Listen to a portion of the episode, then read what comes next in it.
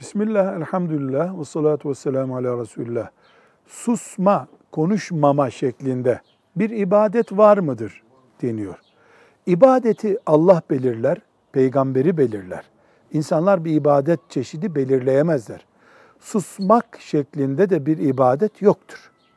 Ancak Müslüman haram konuşulan bir yerde o konuşmaya katılmayıp susarsa ve bunu da Allah rızası için yaparsa ibadet gibi bir iş yapmış olur, sevap kazanır.